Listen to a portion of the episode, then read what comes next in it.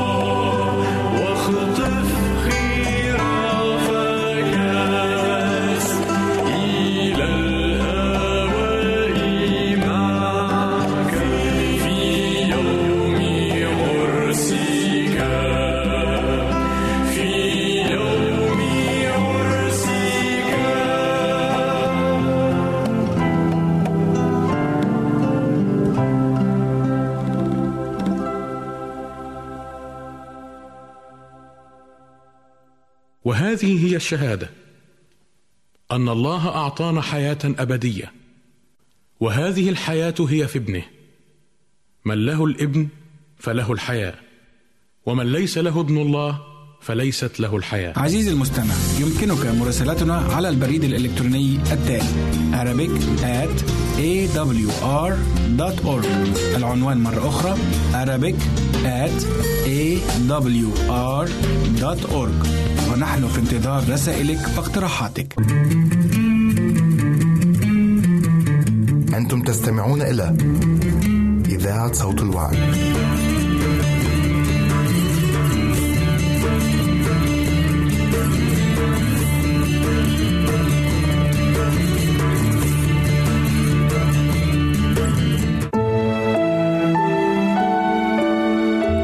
ولما تم ثمانية أيام ليختن الطفل سمي يسوع كما كان قد سمي بلسان الملاك قبل أن يحبل به في البطن. ثم لما تمت الأيام لتطهيرها حسب شريعة موسى صعدا به إلى أورشليم ليقدماه إلى الرب كما كتب في شريعة الرب كل بكر من الذكور يدعى قدسا للرب.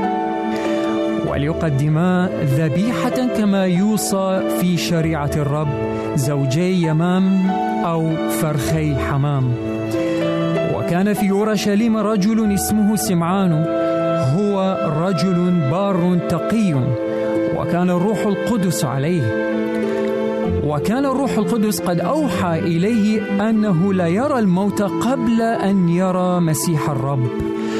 وقد جاء إلى الهيكل بدافع من الروح فلما أحضر الأبوان الطفل يسوع ليقدما عنه ما سن في الشريعة حمله على ذراعيه وبارك الله وقال أيها السيد الآن تطلق عبدك بسلام حسب وعدك فإن عيني قد أبصرتا خلاصك. الذي هيأته لتقدمه إلى الشعوب كلها. نور هداية للأمم. وكانت هناك نبية وهي متقدمة في السن. لم تكن تفارق الهيكل وكانت تتعبد ليلا ونهارا بالصوم والدعاء. فإذ حضرت في تلك الساعة أخذت تسبح الرب وتتحدث عن يسوع مع جميع الذين كانوا ينتظرون فداء في أورشليم. وبعد إتمام كل ما تقتضيه شريعة الرب رجعوا إلى مدينتهم الناصرة بالجليل وكان الطفل ينمو ويتقوى ممتلئا حكمة وكانت نعمة الله عليه.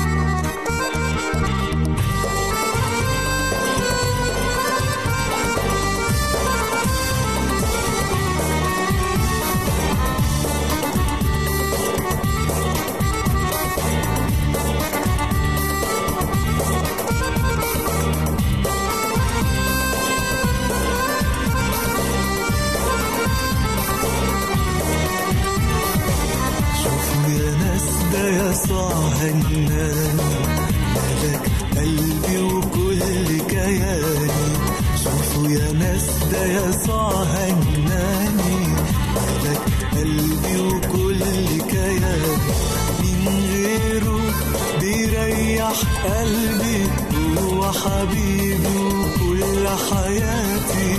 من غيره بيريح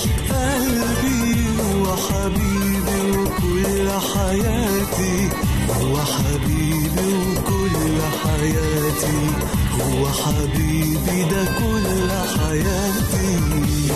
ملكني ربي وحدك اللي شريك نفسي بدمك اللي فادتني ربي وحدك اللي شريك نفسي.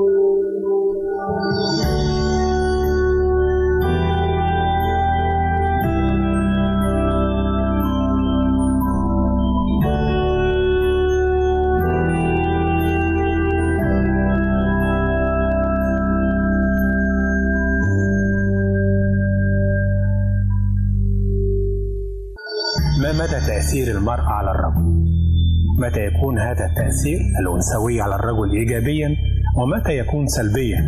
ماذا تصنع المرأة أو الزوجة عندما يضعها زوجها الأحمق في مواقف خطرة؟ كيف تتعامل المرأة الزوجة مع الرجل صاحب السلطة باستخدام جمالها وفتنتها أم بعقلها وذكائها وحكمتها؟ أم أن الجمال أيضا تأثيرا كبيرا على الرجل وتهذيبه؟ وما هي نتائج استخدام المرأة لذكائها وحكمتها مع الرجل هل يمكن أن تستخدم المرأة أنوثتها في علاقتها مع الرجل صاحب السلطة دون أن تخطئ؟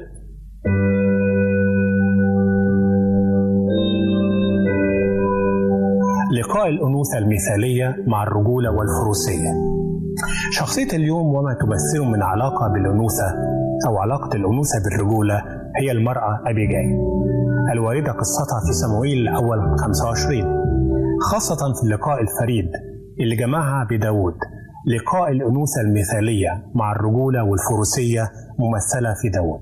ولكن كيف تناول الفن الغربي علاقة أبيجايل وداود ونبال قصة من الحكايات الرومانسية. هي قصة تشبه الحكايات الرومانسية في الأدب. جمعت بين ثلاثة أطراف في المثلث الشهير الزوجين والطرف الثالث. الرجل الآخر أو المرأة الأخرى. يحدثنا الكتاب المقدس عن ذلك اللقاء التاريخي بين أبيجايل زوجة نابال مع داود المحارب المطارد. ذلك اللقاء عبرت عنه لوحات كثيرة رسمها الفنانون العالميون. من هذه اللوحات لوحة روبنز الشهيرة عن لقاء أبيجايل وداود رسمها عام 1630 وركز فيها على فكرة المصالحة والسلام والصفح اللي حققتها أبيجايل من خلال إبرازه لفريقين متقابلين في اللوحة وكأنهما على وشك القتال. كما ركز روبنز بشكل ملفت على نظرة أبيجايل ووضعية جسدها المتواضعة أمام داود وتقديم هداياها التي تشع في اللوحة بالعطاء والجمال. فكان ذلك سببا في المصالحة وإثناء داود عما كان ينويه من انتقام من زوجها. وفي عصرنا الحالي أصبح اسم أبيجيل أند ديفيد عنوانا لقصص الأعراس السعيدة ونلاحظ انتشار حتى شركات متخصصة في تجهيز العراس تحمل نفس الاسم أو العلامة التجارية أبيجيل أند ديفيد. فماذا عن تلك القصة والعلاقة بين امرأة ورجل والتي تشبه أجمل القصص الرومانسية كما قدمها الكتاب المقدس؟ وماذا يمكن أن تعلمنا هذه العلاقة؟ لعلاقتنا نحن مع الجنس الآخر من خلال الملامح الكتابية لهذه العلاقة والملامح النفسية أيضا.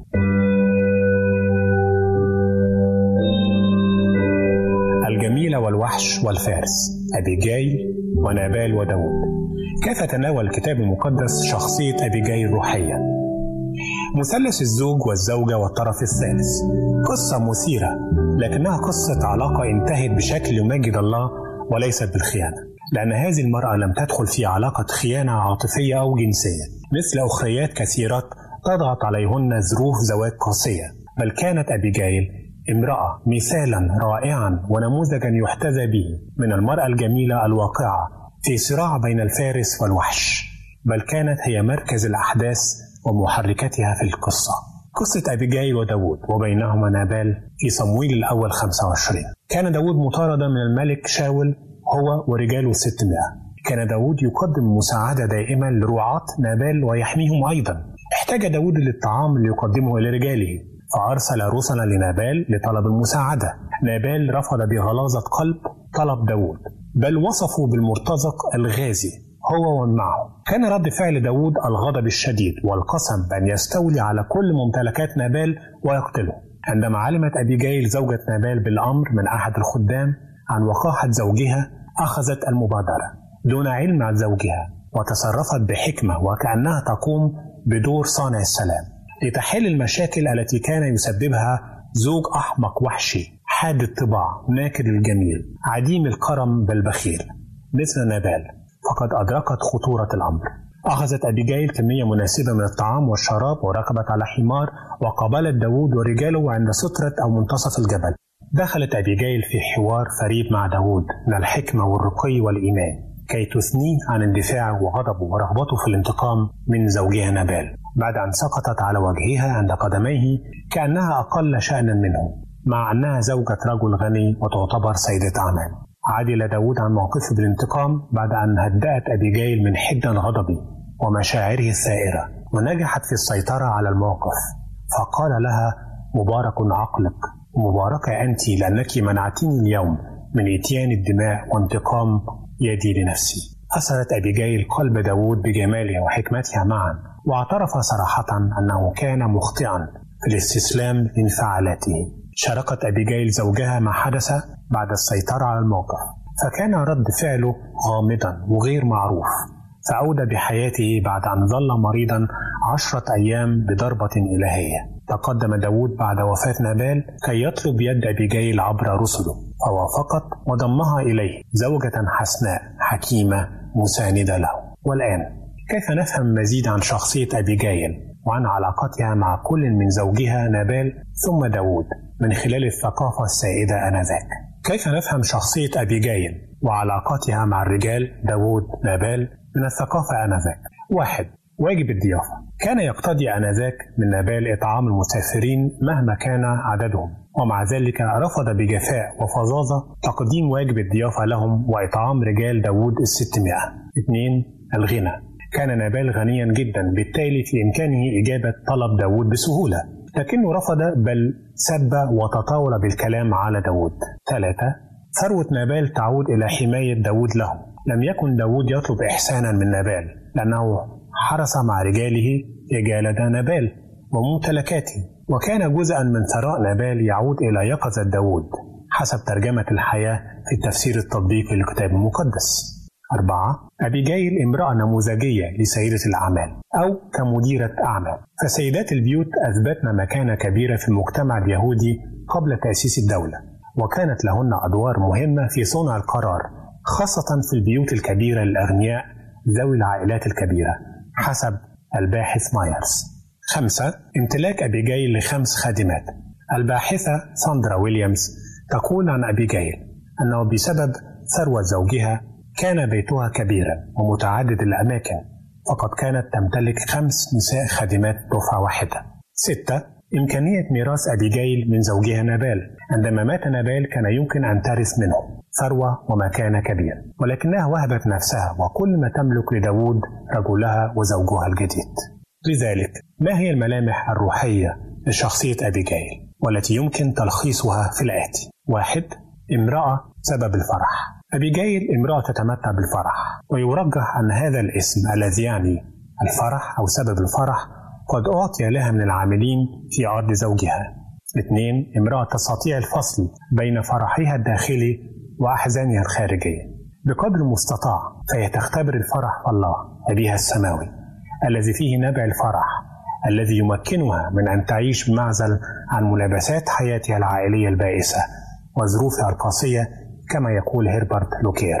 ثلاثة لغتها الروحية راقية وعميقة كما تبدو بالطبع من خلال حوارها مع داود أربعة امرأة تقية تعرف الله بالرغم من كونها تعيش في بيت غير سعيد مع رجل فظ. وسيء الطباع لأن اسمه في الأصل يعني الدب إلا أنها كانت تعيش في تقوى. خمسة امرأة حكيمة ولديها القيم الدينية للمرأة الصالحة.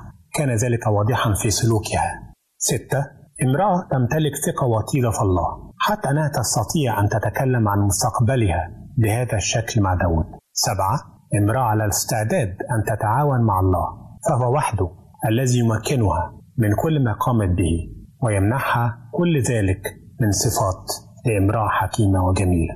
فإن كانت هذه الملامح الروحية للأنوثة الحقيقية أو للمرأة النموذج ممثلة في أبيجايل كما رسمها الكتاب المقدس فماذا عن الملامح النفسية لتلك المرأة؟ وما تأثير ذلك على علاقتها برجلين في حياتها الفارس والوحش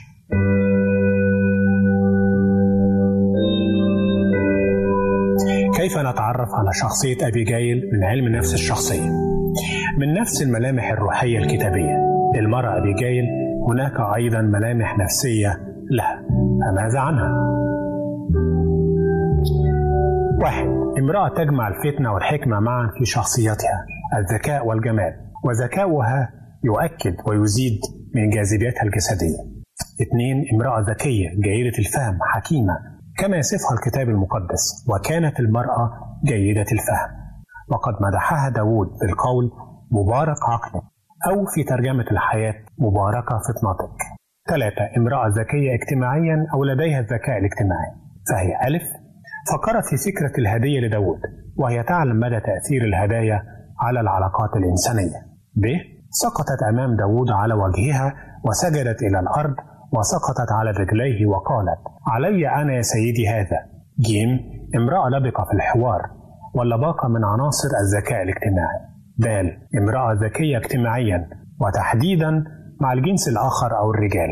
مع مراعاة التقاليد والقيم. لأنها استطاعت أن تتعامل بحكمة ومهارة شديدة في التأثير على داوود وتغيير موقفه. أربعة امرأة جميلة. كانت المرأة جميلة الصورة. عدد ثلاثة. أو فاتنة الجمال حسب ترجمة الحياة. والجمال شيء أساسي في شخصية المرأة. يعطيها صورة إيجابية عن نفسها أو ما يسمى ال self-esteem أو ال self-image طبعا إن كانت تعي وتدرك قيمة هذا الجمال الذي وهبها الله إياه. خمسة. امرأة مبادرة. يقول الكتاب المقدس عن أبيجايل هذا التعبير مرتين. فبادرت أبيجايل وأخذت 200 رغيف خبز.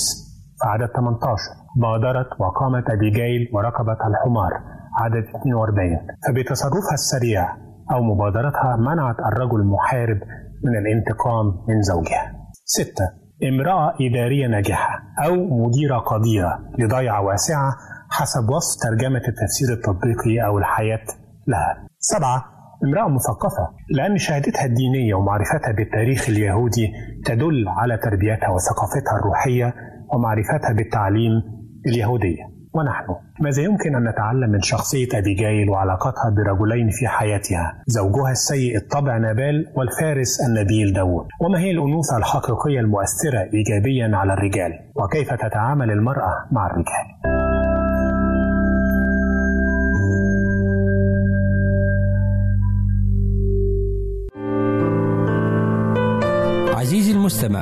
يمكنك مراسلتنا على عنواننا الإلكتروني Arabic at awr.org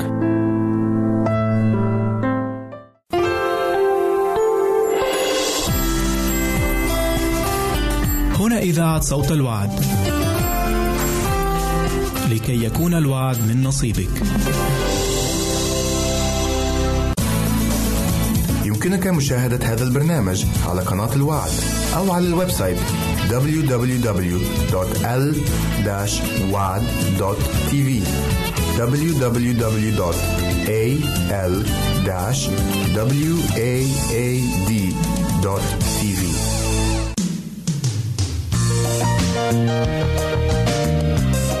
Thank.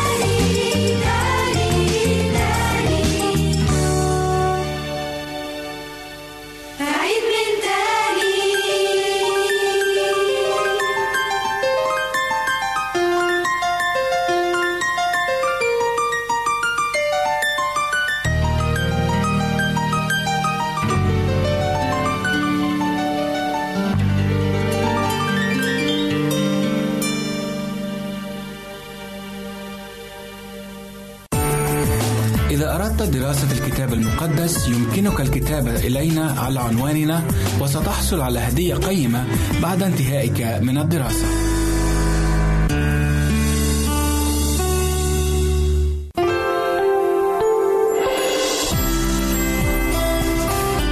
هنا إذاعة صوت الوعد. لكي يكون الوعد من نصيبك.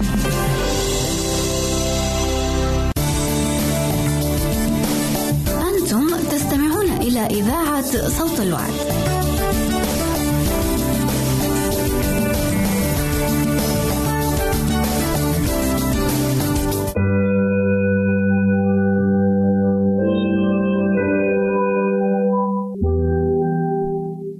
بعد استعرضنا الملامح الفنية والكتابية والنفسية لشخصية زي المرأة أبيجايل.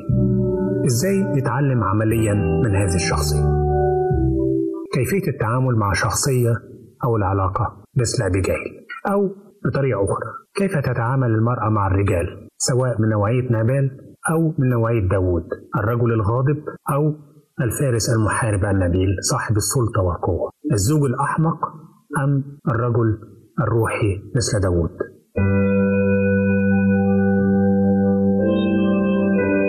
أولا روحيا واحد طلب الحكمة من الله. تدخل أبيجايل لإنقاذ الموقف وإصلاح ما أفسده زوجها. يعلمنا أن المرأة عندما تكون لديها حكمة تستطيع أن تمنحها للآخرين فتنقذ بيتها وما وراءه. اثنين الثقة بالله. أبيجايل تمثل نوعية من النساء بيطلق عليهم لقب شهيدات على قيد الحياة لأن الواحدة منهم بتعاني من أوجاع في القلب ومعاناة في النفس عندما ترتبط بشخص غير مؤمن أو حتى مؤمن لكن شخصيته غير ناضجة. لكن بالثقة في الله الذي يستطيع أن يغير معادلة حياتها الروحية بالكامل والزوجية يمكن أن تستمر مثل هذه الزوجات الكثيرات في عصرنا الحالي رغم الصراع مع زوجها الداخلي والخارجي. ثلاثة الاتكال على نعمة الله من أجل التوازن النفسي. ربما تظن المرأة أنها سوف تستطيع أن تغير من عيوب زوجها لكن الواقع يقول أنه لا أحد يستطيع تغيير أحد أو الطرف الآخر إلا إذا أراد ذلك الطرف الآخر أن يتغير وأن يتجاوب مع تغيير الله له. فتبقى علاقة المرأة برجلها وتستمر. هنا فقط تستمر بالاتكال على نعمة الله وتحمل التجربة وبسبب الإيمان في كفاية الله تظل هذه المرأة محتفظة بتوازنها وتماسكها. ثانيا نفسيا واحد فهم المرأة لنوعية القوة التي تحتاجها في مواجهة الرجال. توضح علاقة أبيجايل مع داوود الفرق بين نوعية القوة لدى المرأة والقوة لدى الرجل. فعندما يشعر الرجل بالجرح تحديدا جرح كبريائه تتولد لديه ردود أفعال عنيفة وتسيطر عليه رغبة الانتقام وقد يقدم على ردود أفعال مبالغ فيها لذلك أن غضب داود هنا كرد فعل لإساءة نابال هو أمر مفهوم لكن رغبته في الانتقام بالشكل الذي تحدث عنه كان مبالغ فيه جدا. وبالتالي على المرأة أن تستخدم قوة أخرى لديها والقوة لدى المرأة مثل أبيجايل كانت في ذكائها جمالها حكمتها وعمقها الروحي. وهي هنا بتقف على قدم مساواة بل تفوق الرجل هنا أو داود القوة لدى المرأة أو أبيجايل كانت تكمن فيما تملكه هذه المرأة طبيعيا وكل امرأة من قدرة على التأثير في الرجل فاستطاعت تهدئته وإرجاعه عن انتقامه اثنين فهم المرأة نوعية الرجل الذي تتعامل معه. الرجل هنا في حياة أبيجايل نوعان في علاقات شخصية مع أبيجايل زوجها أو علاقات روحية كانت مع داود كان الرجل الأول الفارس النبيل داود والرجل الثاني الشخص الأناني أو الوحش نابال. الرجل الأول اللي بيمثله داود وهو نوعية موجودة في حياتنا قد يستجيب للمرأة الذكية الجميلة صاحبة المنطق القوي إن كان رجلا بمثل رفعة ونبل داود فهو كان فارس صاحب قضية وليس مرتزقا أو متعطشا للدماء فاستمع إلى أبيجايل ولغى انتقامه من زوجها وكمان قدر تقدير عالي جدا لهذه المرأة وهو يعكس هنا اتجاه الرجل الكتابي أو الرجل حسب فكر الكتاب المقدس اللي هو حسب قلب الله أو الرجل الروحي. الرجل الثاني وهو الذي يمثله نابال ونوعيته موجودة في حياتنا وحولنا لن يستمع إليها ولا يستمع إلى المرأة. وبالتالي كان رد فعله لما عرف أنها دخلت وحلت المشكلة الحزن الشديد أو الخوف أو عدم التسامح. ونابال لما خاف أو دخل في هذه الموجة من الغضب المكبوت يقال أنه أصيب بأزمة قلبية حسب بعض الدراسات ومات بعد عشرة أيام جاءته بالتالي جات له ضربة إلهية. هذا الرجل لا يقبل أن امرأة تحديدا بين قوسين امرأة تصلح مشاكله مثل بعض أنواع الرجال حاليا. حتى وإن منعت عنه كوارث فهو الزوج الرجل المتكبر الذي يعاني إحساسا عميقا من النقص يخفيه بالكبرياء والعناد فهو يعكس أو يصور الذكر الرجل الوثني المتغطرس غير الواثق من رجولته نبال. ثلاثة التحفيز على فعل الخير وهنا جملة مهمة جدا أو فكرة قالها ستيفن كوفي صاحب الكتاب الأعلى مبيعات في العالم الرجال من المريخ والنساء من الظهر يقول الآتي يحفز الرجال يحفز الرجال ويشعرون بالقوة. عندما يشعرون بأن هناك من يحتاج إليه وعندما يشعر الرجل أنه موثوق به إلى أقصى حد وإلى الحد اللي به يشبع حاجاتها أي حاجات المرأة وهي بالتالي تقدره حق قدره لجهوده فيكون متمكنا ولديه المزيد من العطاء. وهذا هو بالفعل وبالتحديد ما فعلته أبيجايل عندما أعطت داود الثقة والقوة وأنها تحتاجه وهو الرجل المطارد من شاول والمحارب من أكثر من جبهة وهو الشاعر بالرفض من شاول ومن أحد رجال شاول نبال أيضا الناكر الجميل. أيضا داود المحبط بعد كل ما قدمه إلى نبال لقد كان داود ومثل كل رجل في مثل ظروفه يحتاج إلى أن يشعر بأنه مقدر حق قدره وموثوق به.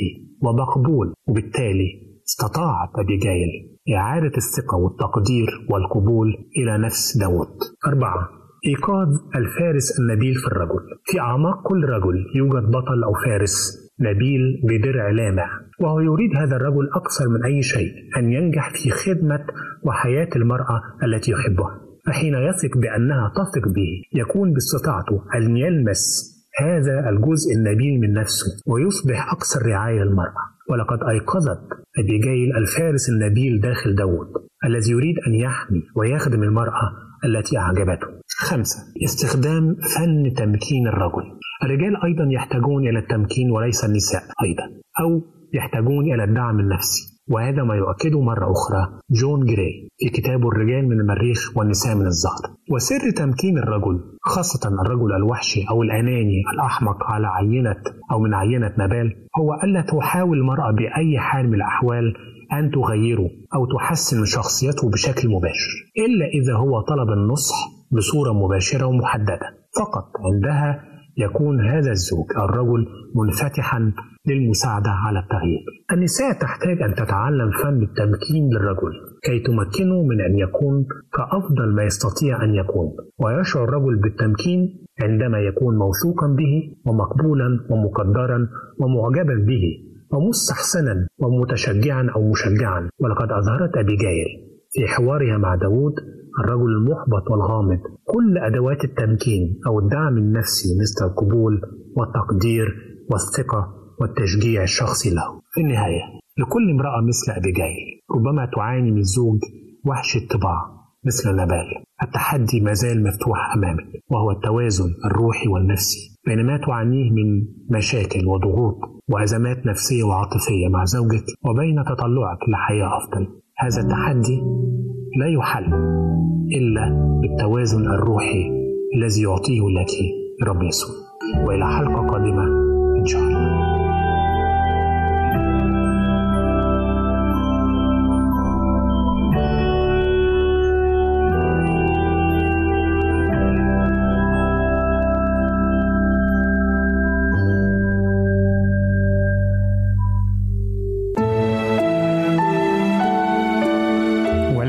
ثمانية أيام ليختن الطفل سمي يسوع كما كان قد سمي بلسان الملاك قبل أن يحبل به في البطن.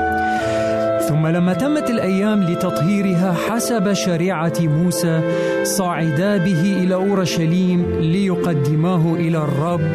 كما كتب في شريعة الرب كل بكر من الذكور يدعى قدسا للرب. وليقدما ذبيحة كما يوصى في شريعة الرب زوجي يمام أو فرخي حمام. وكان في أورشليم رجل اسمه سمعان هو رجل بار تقي وكان الروح القدس عليه. وكان الروح القدس قد أوحى إليه أنه لا يرى الموت قبل أن يرى مسيح الرب.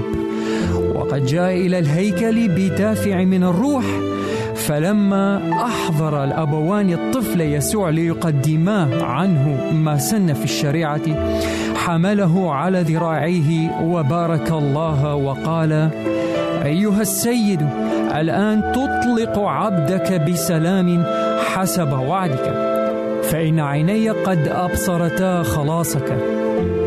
الذي هيأته لتقدمه إلى الشعوب كلها.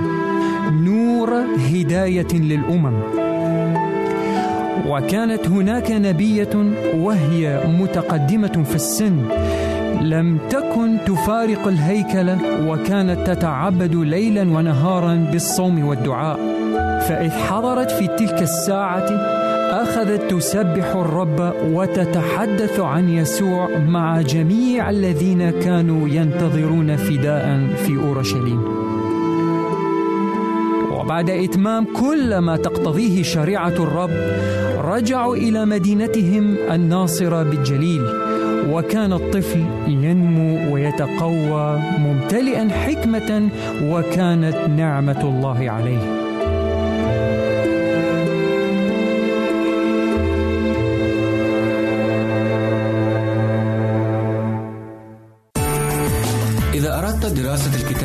المقدس يمكنك الكتابة إلينا على عنواننا وستحصل على هدية قيمة بعد انتهائك من الدراسة.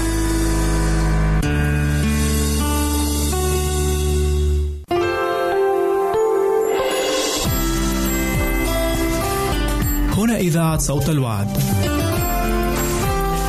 لكي يكون الوعد من نصيبك.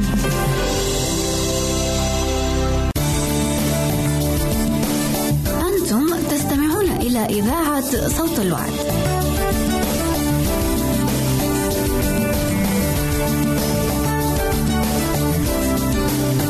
كتر خير ربنا. أنا بقول كتر خير ربنا. في فرق بين الاتنين. فبركات ربنا كبيرة كبيرة كبيرة. بركة تانية من بركات ربنا إن هو بيدي المؤمن مهابة. وبيديله كده تكريم عند الناس. في مزمور 113 7 و8 المرنم بيقول المقيم المسكين من التراب الرافع البائس من المزبلة ليجلسه مع أشراف مع أشراف شعبه. شوفوا الرب لما بينقلنا من حالة لحالة تانية. شوفوا الرب الجميل. كل دي مش بركات لينا. دي بركات. بركة الرب هي تغني. ولا يزيد الرب معها إيه؟ ولا يزيد الرب معها تعب. شوفوا الرب كده لما يجي يتعامل مع المؤمن. حتى في وقت الصعاب في وقت التجارب في وقت الألمات وقت ما المشكلة تيجي للمؤمن ويحس إن الدنيا متلخبطة حواليه وإن مفيش حاجة ماشية صح وإن الأمور ماشية غلط معاه يقول لك ربنا أنا مش سايبك أنا عندي ليك بركات يا ابني. إيه البركات دي يا رب يقول لك لا أنا ما بتركش المؤمن ابدا. إزاي يا رب؟ ده أنا متألم ده أنا عيان ده أنا مريض ده أنا مديون ده أنا الدنيا ملطشة ده أنا اترفدت من الشغل ده أنا ده أنا. ويبتدي المؤمن يقول له ربنا على المشاكل اللي عنده. ربنا يقول له يا ابني ما تخافش. أنا الإله اللي أقدر إن أنا أحول الشر الخير. أنا الإله اللي أقدر أحول اللعنة لبركة.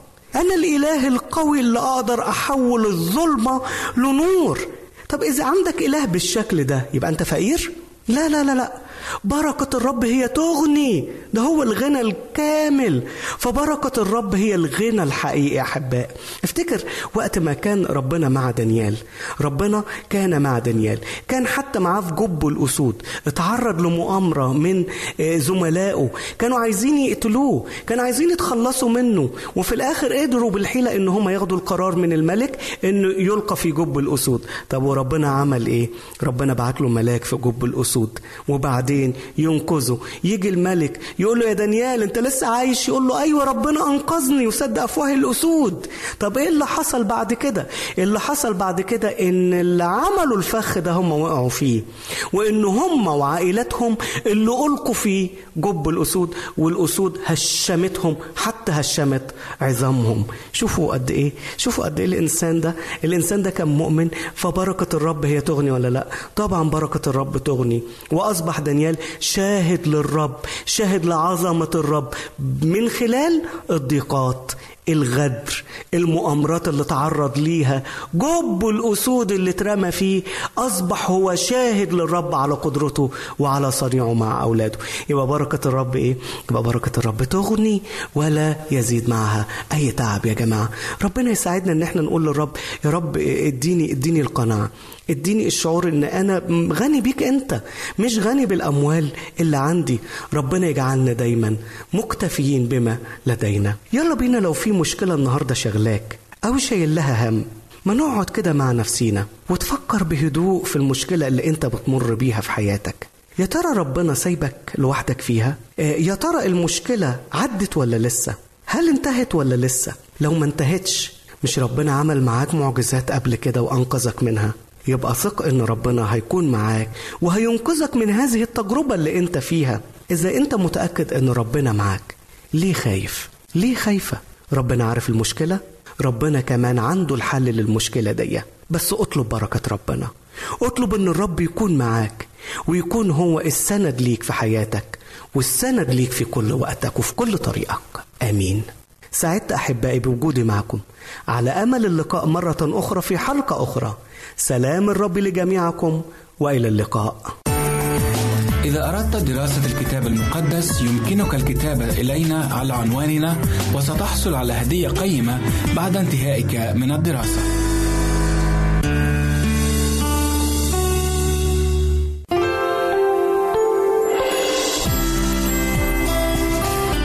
هنا إذاعة صوت الوعد. لكي يكون الوعد من نصيبك.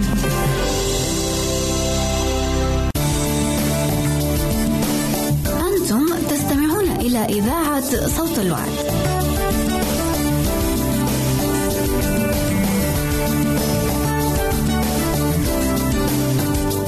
أنا كنبش المهرج.